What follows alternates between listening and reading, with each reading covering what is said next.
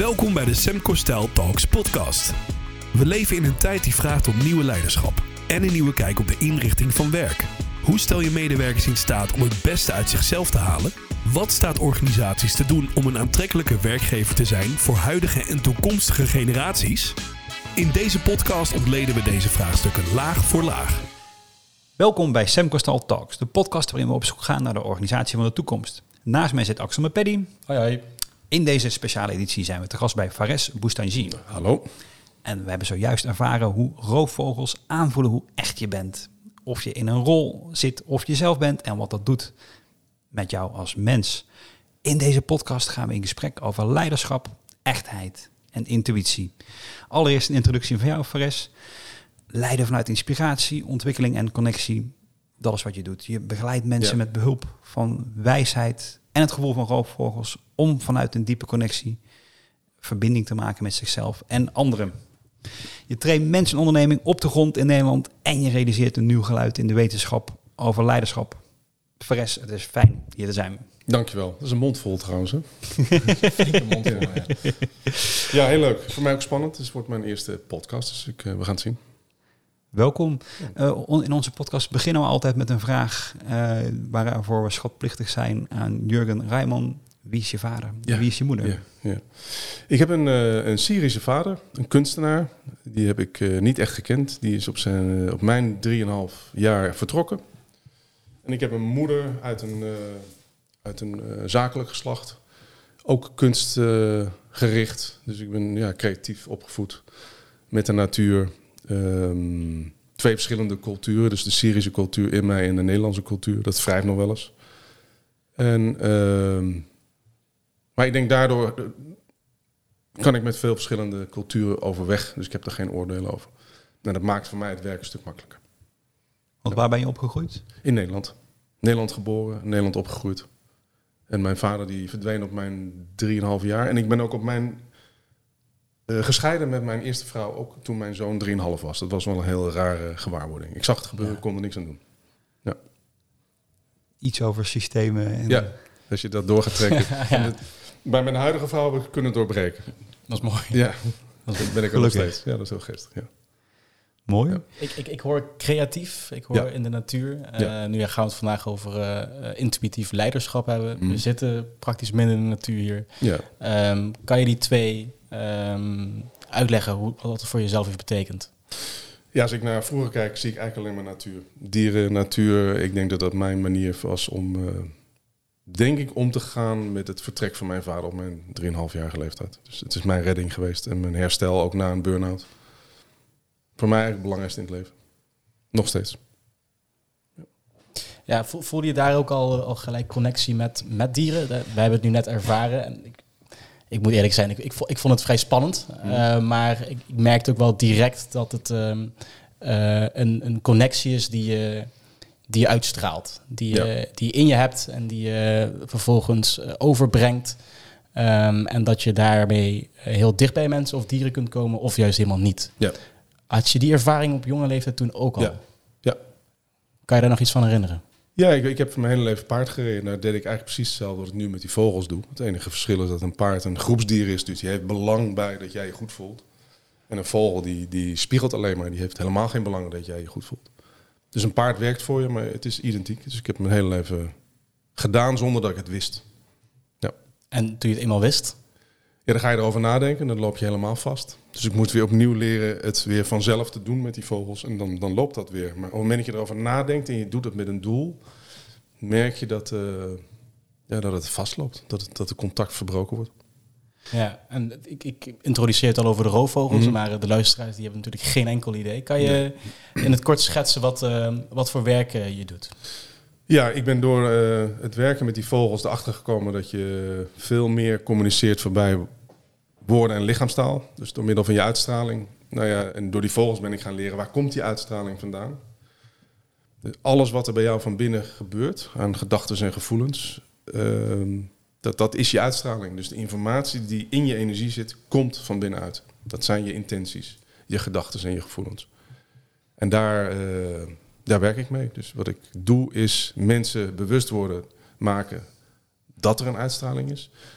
Waar komt die vandaan? Wat is jouw uitstraling, jouw voorkeurshouding daarin en wat is de impact van jouw uitstraling op je omgeving. En dat kan dus in je werkomgeving zijn, maar het kan ook in je gezin zijn, naar je kinderen of naar je dieren. Het heeft allemaal hetzelfde te maken. Dus mijn werk is dat bewust worden erop en het weer zorgen dat je uh, ja, weer, in je originele stand kan komen. Uh, uh, wat maakt dat dit een thema is voor mensen in organisaties? Vaak hebben ze niet door dat dit een thema is. Hè? Ze zoeken vaak de oplossing in beter leren praten. trainingen van lichaamstaal. Maar dit gaat er ver onderdoor. Dus het, het is vaak niet bewust dat, daar, dat het een probleem is. Maar het probleem komt tijdens zo'n training wel naar boven. Um, stel, we nemen een fictieve organisatie in ons hoofd waarin dit een probleem is. Waar Mhm. merk je dat aan? Uh, terugkomende problemen. Dus dingen die continu maar repeteren. Die zitten vaak in dit gebied. Dus uh, wat ik zeg, dan wordt de oplossing gezocht in beter praten, harder praten, duidelijker zijn, assertiever zijn. Maar als je energie daar tegenover staat, in de, in de andere stand, dan kan je doen wat je wil. Maar dat werkt niet. Dan komt het niet over als dat niet uh, in één lijn ligt. Is het iets wat in elke organisatie gebeurt, of wat typischerwijs? Uh, is dit een patroon wat altijd terugkomt, of ja. is het simpel? Zoals ik het nu zie in deze tijd wel, ja. Dus de oplossingen worden vaak in nog meer doen, nog harder werken gezocht. En ik denk eerder vertragen en uh, ja, de tijd nemen om gewoon weer te, te, te beseffen wie ben ik en wat wil ik. En vanuit daar weer de connectie maken met anderen. En wat maakt dat zo lastig? Waarom, waarom zouden mensen dit niet doen? Um, ik denk als je vertraagt, kom je ook bepaalde gevoelens. Uh, uh, gevoelens van onzekerheid, uh, onveiligheid. ja, dat willen we niet. Dus gaan we weer versnellen om het niet te voelen. Dat is makkelijker in vele gevallen. Maar dan kom je in het systeem terecht waarin elke keer dezelfde problemen naar boven komen. Mensen komen niet in beweging of gaan in de afwachtende houding staan. Als er een leidinggevende vanuit een oordeel leiding geeft, dan zet je een heel team tegen de muur zeg het maar wat ik moet doen, anders doe ik het fout. Ja, dat, dat zijn vaak onuitgesproken dingen.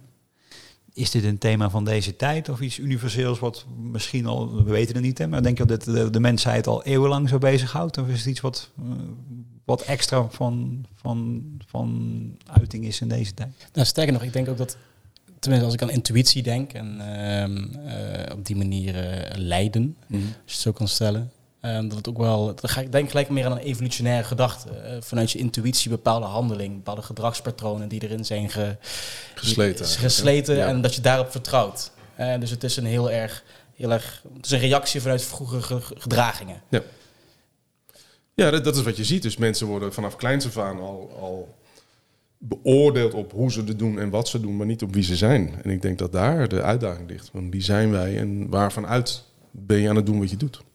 En dat is vanuit jezelf. Alleen er wordt iets van gemaakt dat je een, uh, hoe noem je dat? Je bent niet een werker, het, het, is jij die het werk doet. Dat, dat is een enorme verschuiving. Als je vanuit jij weer het contact maakt met de ander, in plaats van dat je van werker tot werker het contact maakt. Ja. Als ik nu naar jou kijk, Luc, um, werk jij vanuit je intuïtie? Ben je, ben je bewust van je eigen intuïtie en ga je daarmee aan de slag? Soms meer en soms minder, denk ik. En ook hoe, hoe uitziet dat?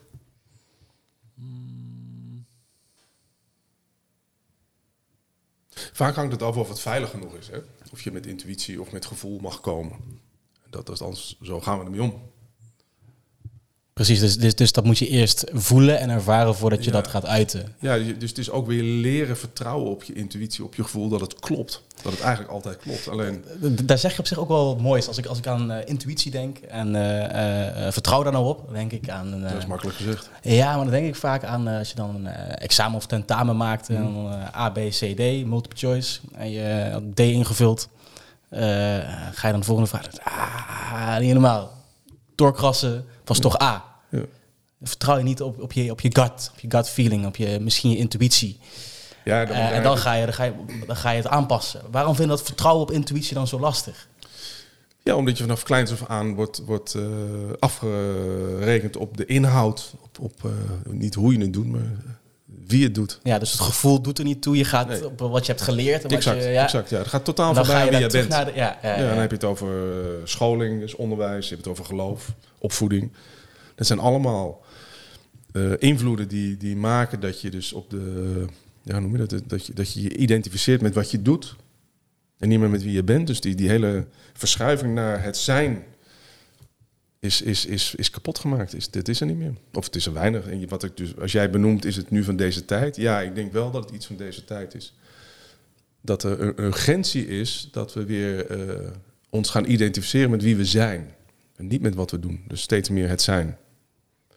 Klinkt allemaal spiritueel, maar dat, dat is denk ik de grootste stap die wij kunnen maken als mens en als leidinggevende. Ehm, maar mag die andere kant er dan ook zijn? Want je hebt ook in, in, in, eh, je te verhouden tot anderen, al die dingen die je leert op school of in organisaties hebben ook te maken met hoe, hoe, hoe vind je een balans hè? Tussen, Ja. tussen je eigen belangen en dat van anderen, tussen wat je voelt en hoe je op dat moment uit. Ja. Ik vond het eh, een mooie uitspraak een keer van, want ik heb, ik heb er echt twee waar ik aan moet denken, gewoon even als voor, voor een beetje, eh, voor een beetje tegengras eh, in, in de gedachtenvorming. Anne Gunberg zei, Nederlandse eerlijkheid is overrated. Wat wij ervaren als eerlijk, hè, dat zeggen wat aan je op, opkomt, wordt in de meeste andere culturen gezien als botheid, eh, lompheid. De Nederlanders zijn assertief en eh, Ja, dus, dus, dan, dus je zegt, het- de kunst van je delicaat kunnen verhouden tot anders, misschien juist niet een, altijd een uiting geven aan je eh, gevoel. Nee, maar dat wil niet zeggen dat je, als je uiting geeft aan je gevoel dat je bot bent. Helemaal niet. Integendeel. Dat wil ook zeggen dat je kwetsbaar kan zijn als je uiting geeft aan je gevoel. Hè, Dat wordt nu vertaald naar de, de Nederlandse botheid. Ik weet niet of dat Nederlandse botheid nou het uiten van je gevoel is of van een gedachte. Ik moet weer Dat iets zeggen, ik waar. moet ergens Ja. iets van vinden. Ja. Dat vind ik eh, anders dan dat je het echt over gevoelens hebt. Nee, dat is waar. Nee, nee, nee dat, is, dat is waar. Nederlandse botheid kan, Dat dat, heeft- dat kan van alles heeft niks met gevoel. Of kan niks met gevoel. kan ook, ja. We moeten weer een mening hebben. Ja, en bovendien kun je je best delicaat uiten en verhouden tot een ander. En toch 100%. uiting geven aan je 100%, gevoel. Ja. Ja. En dan heb ik het over kwetsbaarheid. De tweede is, ehm, ehm, we hadden het er in ons voorgesprek ook al kort over. De, ehm, we veronderstellen dat er een soort authentieke kern is. Hè? Een, onderliggende iets eh, wat, later wordt ingekapseld. Of eigenlijk vanaf jonge leeftijd al op, op, school en, eh, en, en- daarna. Eh, maar ik weet niet van wie de quote is. Maar ik heb hem al, nou, denk twintig jaar geleden onthouden. Maar ik het gewoon een sterke quote vind. En ik ben benieuwd naar jouw reactie. Ehm, we moeten hem nog eens opzoeken. Eh, maar die persoon zei, ehm, jezelf zijn is een gecorrumpeerd begrip, want het kenmerk van een goed functionerende identiteit is zich kunnen aanpassen. Ja, het is dus continu aan, aan beweging onderhevig. Klopt. Ja, je kan niet zeggen, eh, dit klopt voor mij vandaag en over een week ook nog. Dat, daar kunnen allerlei eh, factoren zijn die dat weer veranderen. Dus je waarheid verandert ook continu. En je gevoel precies. Alleen, En, en je hebt je te, ook te verhouden tot anderen. Dus je kan, je kan niet alleen maar jezelf zitten zijn. Ehm, tot een bepaalde hoogte is dat zo. Alleen je, je hebt je te verhouden tot anderen vanuit jezelf. Maar als jij niet Dat is het. Dat is in verbinding met jezelf Dat bent, tot waar, tot wat verhoud je je dan? Het gaat wel dat je het vanuit jezelf doet. Dat je weet wat jij voelt. Maar dat is het. Kijk, daar, daar, daar, daar, daar, komt de cirkel rond. Eh, ik, ben zelf de grootste fan van, van denken in dilemma's. Dat was ooit een, het Mhm. meest mindblowing idee wat ik heb, heb opgedaan. En eh, dat gaat er eigenlijk ook over. Zeg je, juist door dicht bij jezelf te blijven, kun je bij de ander zijn. Juist bij de ander zijn, kun je dicht bij jezelf zijn. Omgekeerd. Je kan sturen door los te laten, je kan loslaten door te sturen, je kan denken door te voelen. Eh, dus niet, een, niet eens en-en, wat we vaak denken. Je of het een of het ander. Nee, met één door het ander. Ja, doordat je in verbinding met Ja. jezelf staat, weet wie je bent en wat je intenties zijn, je gevoel, bla bla bla, kan jij de ander ook sturen, omdat je hem begrijpt. Ja, en ik ben, ik ben, blij dat we dat ehm, ook op tafel leggen. Want het is niet alleen maar terug Nee, nee. Nee, nee. naar, je, naar Nee, jezelf. Ik, ik, ik, geloof wel, en eh, misschien hebben we het net ook al wel ervaren, dat meer verbinding met jezelf een heel veilig en stevig uitgangspunt is. Ja, Eh, je bent dus niet meer afhankelijk van de omgeving of jij eh, je veilig voelt of niet. Je, je, hebt de neiging om je veiligheid om je omgeving te halen. Hè, dat mensen je bevestigen. Nee, het is zaak dat wij veilig bij onszelf zijn. En dat heeft met die gronding te maken, hè, waar we het even geleden over Ja, want eh, we zijn hier in een prachtige bosrijke omgeving. En Ja. eh, we hebben zojuist een, een bezoek gebracht aan roofvogels, waarbij Mhm. de eerste uitdaging was maak contact. Eh, maar wat ik er zelf bij merkte is, als je dat probeert, dan lukt het al niet. Nee. Terwijl als je dicht bij jezelf blijft, het wel tot stand komt. Ja, dat is dus precies die uitdaging die ik bedoel van je gaat iets doen om contact te maken. Je was heel hard aan het werken. Of je bent gewoon aanwezig, waardoor het er is. Dus dat is die verschuiving weer tussen je identificatie met je doen weer naar je zijn. Dan mag je zijn. En dan zie je dat er eigenlijk altijd contact is als je bent. Stel nou iemand zit deze podcast in de auto te luisteren, want dat blijkt toch de geniale plek te zijn om nou, nou, nou, nou zeker naar een lange podcast zoals dit te luisteren. ja, laat, ze, laat ze lekker lullen die man. Wat nou verbinding. Ja, ja. Ehm, stel iemand wil, denk, nou, eh, goed verhaal heren, ik wil meer verbinding met mezelf. Wat, wat kun je nu op dit moment al rijden in je auto doen? Gewoon voelen dat je zit. Voelen dat je ademt. Neem die tijd om gewoon weer je lijf te voelen. Heel simpel. Moet ik ook nog steeds doen. Je moet het ook bijhouden. Het is niet dat je het eenmaal gedaan hebt en je hebt het altijd, die verbinding. Nee, dat moet je continu weer doen. Er zijn continu dingen die je uit die verbinding met jezelf verleiden. Dat kan uh, stress zijn, dat je denkt dat andere dingen belangrijker zijn dan jij. Het kan werkelijk alles zijn. Dus de, de, elk moment dat je even kan zitten en voelen dat je zit en ademhaalt. Dat kan in een file zijn, in een rij zijn voor een weet ik veel wat. Dat zijn momenten dat je even kan terugschakelen naar wie ben ik nou en wat voel ik. Ja, Heel belangrijk. Het, een, een, een mini-oefeningetje wat ik uh, las in het boek van uh, de commanders die het boek Green On geschreven hebben, die we uh, eerder ja. in de podcast te gast hadden. Die, die, die mensen zijn natuurlijk ook onder ontzettende externe druk in ieder geval gezien het werk wat ze doen. Maar ze werken van binnenuit. Ja, omgevingsdruk. Ja. Precies, precies. Het is allemaal van binnenuit. Ja, ze, ja. De, de, de, een tip uit dat boek was van, sta even stil bij wat voel je, maar ook wat, wat, wat ruik je, zie je, ja. proef je. Ja. Uh, dus je zintuigen, je zintuigen, zintuigelijke waarneming. Dus ook dat is een hele praktische manier hele, om even terug te gaan naar jezelf. Maar er zijn heel veel oefeningen voor. Hè? Dus je zou googlen op routing of grounding, krijg je allemaal oefeningen naar boven waar je je eigen persoonlijke vorm kan pakken. Ik heb het op mijn manier gedaan, maar dat wil niet zeggen dat het jouw manier is. Het is heel persoonlijk hoe jij weer je eigen, je eigen basis bouwt. Je moet echt je, het is bouwen. Weer je zijn opbouwen. Dat klinkt een beetje spiritueel, maar er is geen ander woord voor. Stel, mensen zijn niet meer bezig en ze hebben ja. meer, meer verbinding met zichzelf uh, gevonden. Ja. um, voor je het weet is de waan van de dag weer terug. En ja. uh, zit iedereen weer in zijn hoofd en zijn, zijn, zijn, zijn actieplannen af te raffelen. Hoe, hoe voorkom je dat? Ja, dat is, dat is dus door blijven oefenen van die, van die gronding of die basis van jezelf, waardoor je het gegeven moment bent. En dan word je er nog wel eens uitgehaald, maar je bent ook zo weer terug. Als je het je realiseert, ben je er eigenlijk alweer. Dan ben je weer terug bij jezelf. Het, het komt ook weer terug op een, op een stukje kwetsbaarheid wat je, wat je, wat je net benoemde. Um, en hier hadden, we, hier hadden we het uh, voor deze opname ook even kort over. Um, wat eigenlijk meegeeft dat um, wees eerlijk naar jezelf. En als je iets niet weet, uh, ben oké okay met de stilte, met de ruimte die, die dan valt. Want ja. die ruimte kan dan weer uh, ingenomen worden. Iemand anders die het wel weet. Exact. We zijn altijd wel heel bezig van, jij bent de leider, dus vaak er nog maar één. Uh, jij moet weten, je hebt de antwoorden nodig. Um, um, nou, punt 1 is al, je kan ook de juiste vragen stellen, maar je kan het ook gewoon niet weten. Uh, ben je daar oké okay mee? Uh, ben je oké okay met dat ik het niet weet, omdat we gebruik maken van de wijsheden die er, die er, die er wel zijn? Uh, die daarmee, ja, of, of, we komen tot de conclusie dat we het allebei niet weten. Ja. Maar dan weten we het allebei niet. Dus misschien is, is dat ook wel een goede vraag om, om, uh, om te stellen als je aan een probleem begint van oké, okay, uh, wat als we het allebei niet weten? Ja. Is, ja, is dat oké? Okay? Ja, en hoe kunnen we vanuit daardoor? Heel mooi Axel, maar moet je toch ook nog even dezelfde vraag stellen als die je mij stelde. Wanneer, of tot een verre vertrouw jij heb je intuïtie in je werk? Uh, definieer intuïtie is even heel, heel concreet. Nou ja, ja volgens de definitie die we net uh, aanhangen, ja, dan zijn ja, we nog een uur bezig. Ja, um, ik vertrouw heel erg op mijn eigen gevoel, ja. Um, ik, um, ik ben wel echt een, iemand die, die zich kan aanpassen aan een situatie dat misschien uh, dan ook wel te vaak doet, maar ik, ik hoor je lachen. Inderdaad. En, maar ik vertrouw heel erg op mijn eigen gevoel. Daar, daar, kan, daar kan ik wel achter staan, ja. Maar het ligt welk gevoel je aanspreekt. Hè? Ben je naar buiten aan te voelen, wat, wat je denkt dat er in je omgeving speelt. Of wat vind jij van de omgeving? Dat zijn twee verschillende. Het punt je is dat naar binnen daar of kom ik dan Misschien... misschien, Ik denk dat er nog wel wat werk aan is. misschien kom ik daar misschien wel, wel vaker dan wel op terug. Met andere woorden, het blijft wel spelen, uh, maar het kan van een secundair item kan het naar een primair item gaan. Uh, kan ik op een moment zelf ook denken van, oké, okay, is dit wel uh, wat de bedoeling was? Ja. ja of nee? Maar er zijn dus twee manieren van, van voelen. Dus je kan naar buiten voelen, wat gebeurt daar? Of wat vind ik? En dan naar buiten treden. En van die omgeving. Dat zijn, en wat je ziet is dat mensen fantastisch empathisch zijn om zelf niet te hoeven voelen. Dus dan ben ik lekker bezig mijn omgeving te voelen. Ik ben bij jou aan het voelen. Maar Lekker dan hoef ik makkelijk. mijn- Dan hoef ik mijn eigen, mijn eigen rotzooi niet te voelen. Dat zijn twee verschillende manieren van voelen. Nou, sterker nog, in, in, een, het leukste vind ik ook bij- bij training om mensen gewoon in een situatie te zetten waarin je gewoon maar moet doen. Hè? Want Ja. dat, dat- je kan lang praten over dingen, maar gewoon doen. En, en daar gebeurt meteen van alles. Dus bij een heel eenvoudig spel dan zetten we mensen, de ene is de leidinggever en de andere is medewerker, zeggen, het is een crisis, los het samen op.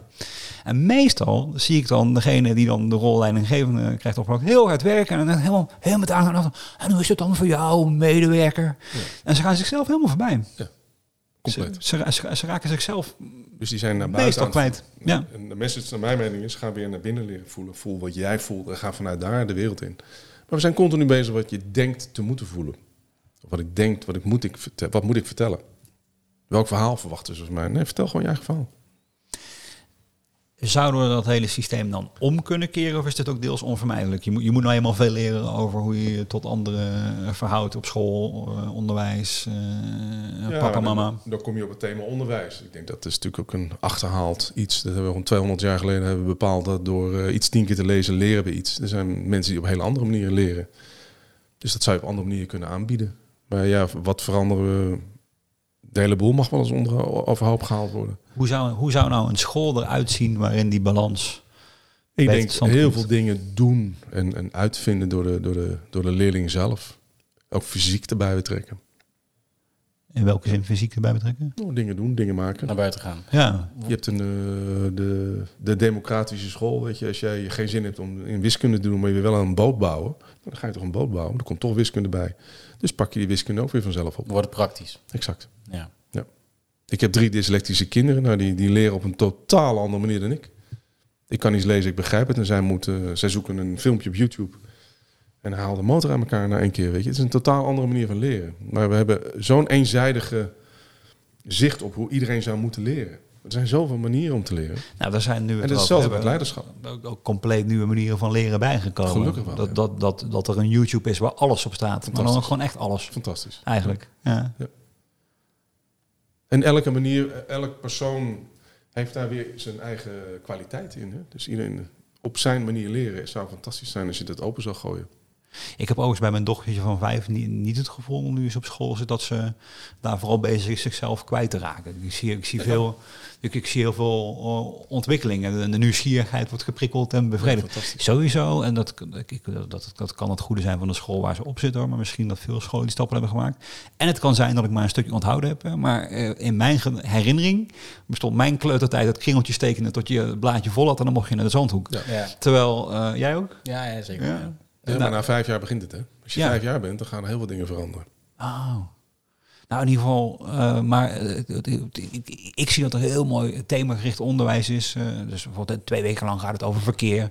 Ja. Samen mindmaps maken, wat weten we al, wat willen we nog leren. Dat, dat gaan onderzoeken, ervaren. Dus ik zie daar een, een rijkdom. Gelukkig, gelukkig wel. Nu, Ja. De laatste jaren is dat. Hè? Ja. Dat is niet iets wat al lang nu, dat is aan het kenteren nu. Er komen nieuwe initiatieven, ja, zeker. Maar ik denk op leiderschap precies hetzelfde. We gewoon durven te zijn wie je bent in wat je doet. Want het is jij die het werk doet. Ja, en de, uh, het, het, um, ik, ik, kom hem in ons werk vaker tegen, maar ook hier uh, is hij denk ik weer van toepassing. Dus om er nog maar weer een quote in te gooien. Dat uh, oh. Cruyffiaanse, de voetbal is simpel, maar simpel voetbal is het moeilijkste wat er is. Ja. Dat geldt hier misschien ook al voor. Die, die, die kern vinden is niet eens zo, zo heel moeilijk. We deden het net ook bij, bij, bij die vogels. Maar dat vasthouden of, of, of dat vinden. Ja, zo, hoe ga jij met een stukje onveiligheid om? Wat, voor, wat, wat hou je vast om jezelf veilig te voelen? Of laat je het gaan? En laat je, kijk je wat daar voor iets nieuws uit ontstaat. Maar wat ik in mijn werk zie is dat er vaak ja, alle, allerlei onverwerkte dingen zitten die, uh, die gewoon in de weg zitten, letterlijk. Oude, letterlijk. Zeker ook oude, oude trauma's. Oude trauma's. Die, die, die zich systemisch ook nog eens doorvertalen. En hoeven niet, mensen hoeven niet eens zelf meegemaakt te hebben. Maar, maar, dat zit letterlijk ja. in je lijf. Ja. Dus waardoor mensen hoog gaan ademen. Nou ja, door hoog ademen, als je het over hoog ademen en aarding hebt, dat zijn twee tegenovergestelde. Ja. Dus die mensen, het, het, je kan niet eens aarden als je hoog ademt. Is onmogelijk. Dus wat, waar pak je het proces op? Ga je in één keer aan je aarde werken terwijl je nog hoog ademt? Je moet eerst die kelder opruimen voordat je in je kelder kan ademen. Weet je? Wat, Dus heb waar jij, wat, heb, wat heb jij moeten leren om dit te, te, te doen of te zijn? Of kon je dat altijd al? Nee, ik, ik ben eh, opgevoed door alleen met mijn moeder. Dus vanaf mijn 3,5 jaar ben ik heel erg horizontaal gericht op mijn moeder geweest. Hoe voelde ze zich? Wat had ze nodig? Ik was, vanaf mijn 3,5 jaar stond ik gewoon aan op wat heeft zij nodig. En ik voelde me er verantwoordelijk voor. En ik denk dat ik eh, daar in mijn eerste burn-out achter kwam. Dat ik alleen maar horizontaal gericht was op de ander. Ik voelde dus in bij de ander. Maar ik wist niet meer wie, wat ik zelf voelde. En door die vogels ben ik langzamerhand weer bij mezelf gekomen. En ben ik zelf gaan aarden. Dus die hebben gemaakt dat ik merkte, ben ik horizontaal bezig of verticaal bezig? Ja, want vertel eens over, over dat moment waarop je met die vogels begon te werken. Nou ja, op het moment dat je met die vogels alleen maar met die vogel bezig bent, als je bedenkt dat energie gaat naar waar je aandacht legt, ja, die vogel die pikt dat niet. Dat ik mijn hele hebben en houden bij die vogel neerleg. En de, mijn onrust en mijn, uh, mijn Die, die, die blokkeert dan.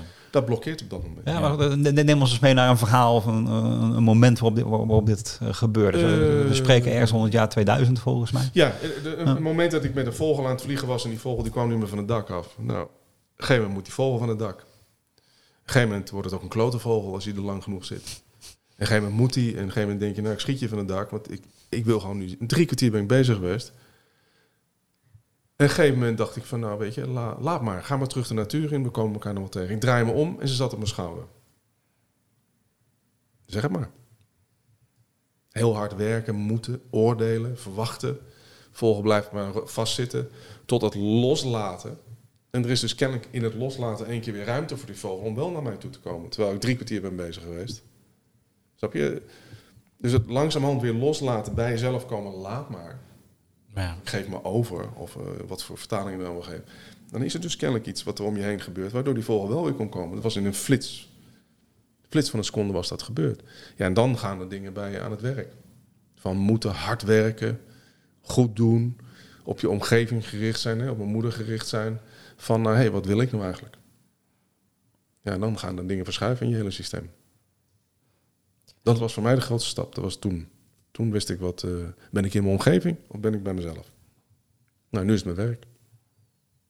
We zijn er stil van, hè? Ja, ja, maar loslaten betekent in die zin dus ook gewoon... eh, het is fysiek de andere kant op kijken, maar het is ook met je gedachten Ja. inderdaad... Je gevoel, letterlijk Je loskoppelen. gevoel ook gewoon echt, ook niet meer aan denken. Loskoppelen, het is oké. Echt een gedachte van, weet je wat, als jij niet die kant op vliegt en ik ga naar binnen, Het is, is, dat oké. Het is ook letterlijk goed dan. Ja.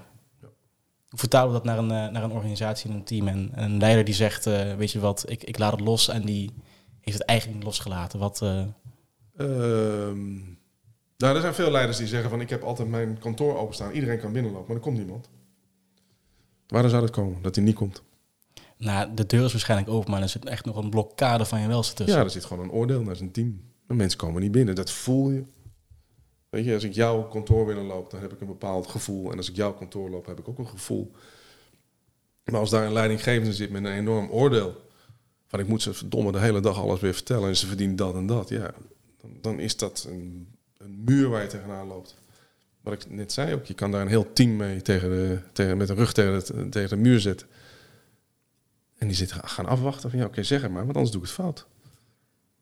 Nou, dus, en het loslaten van dat oordeel, ja, dat, dat doet pijn bij zo'n leidinggever. Want Je komt ego tegen, je komt zijn onverwerkt trauma's tegen, bla bla bla. Ja. Zeg maar waar we moeten beginnen. Dat is moeilijk.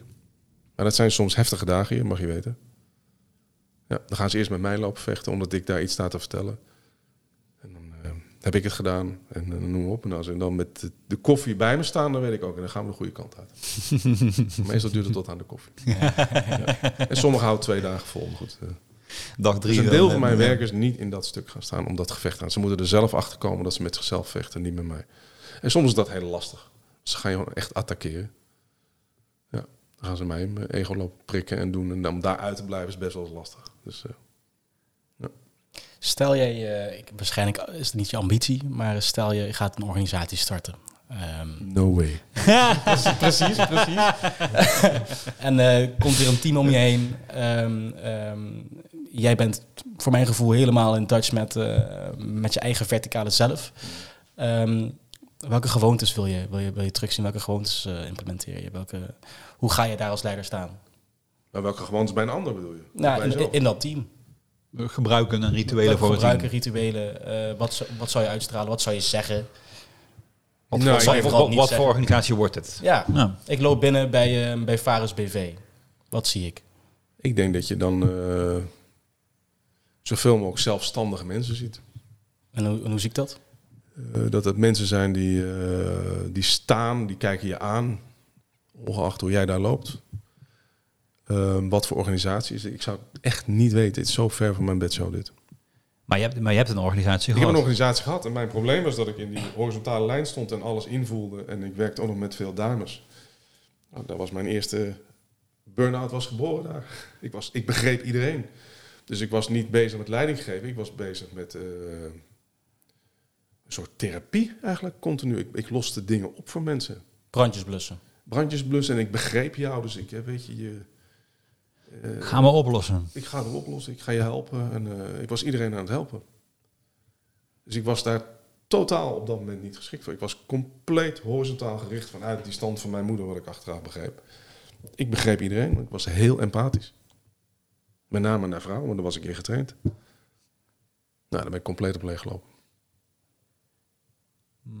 Maar je zegt heel beslist no way bij Nee. nieuwe. Terwijl, terwijl vanuit je huidige zijn... Het, Ja, ik wil vanuit het huidige zijn en die verbinding met mezelf wil ik mensen helpen, maar niet meer in een organisatie. Een andermans organisatie, prima.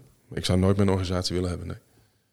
nee. Dus ik werk met mensen samen, ik werk in, in, in, in verandertrajecten, eh, het bouwen van strategieplannen, eh, noem maar op allemaal.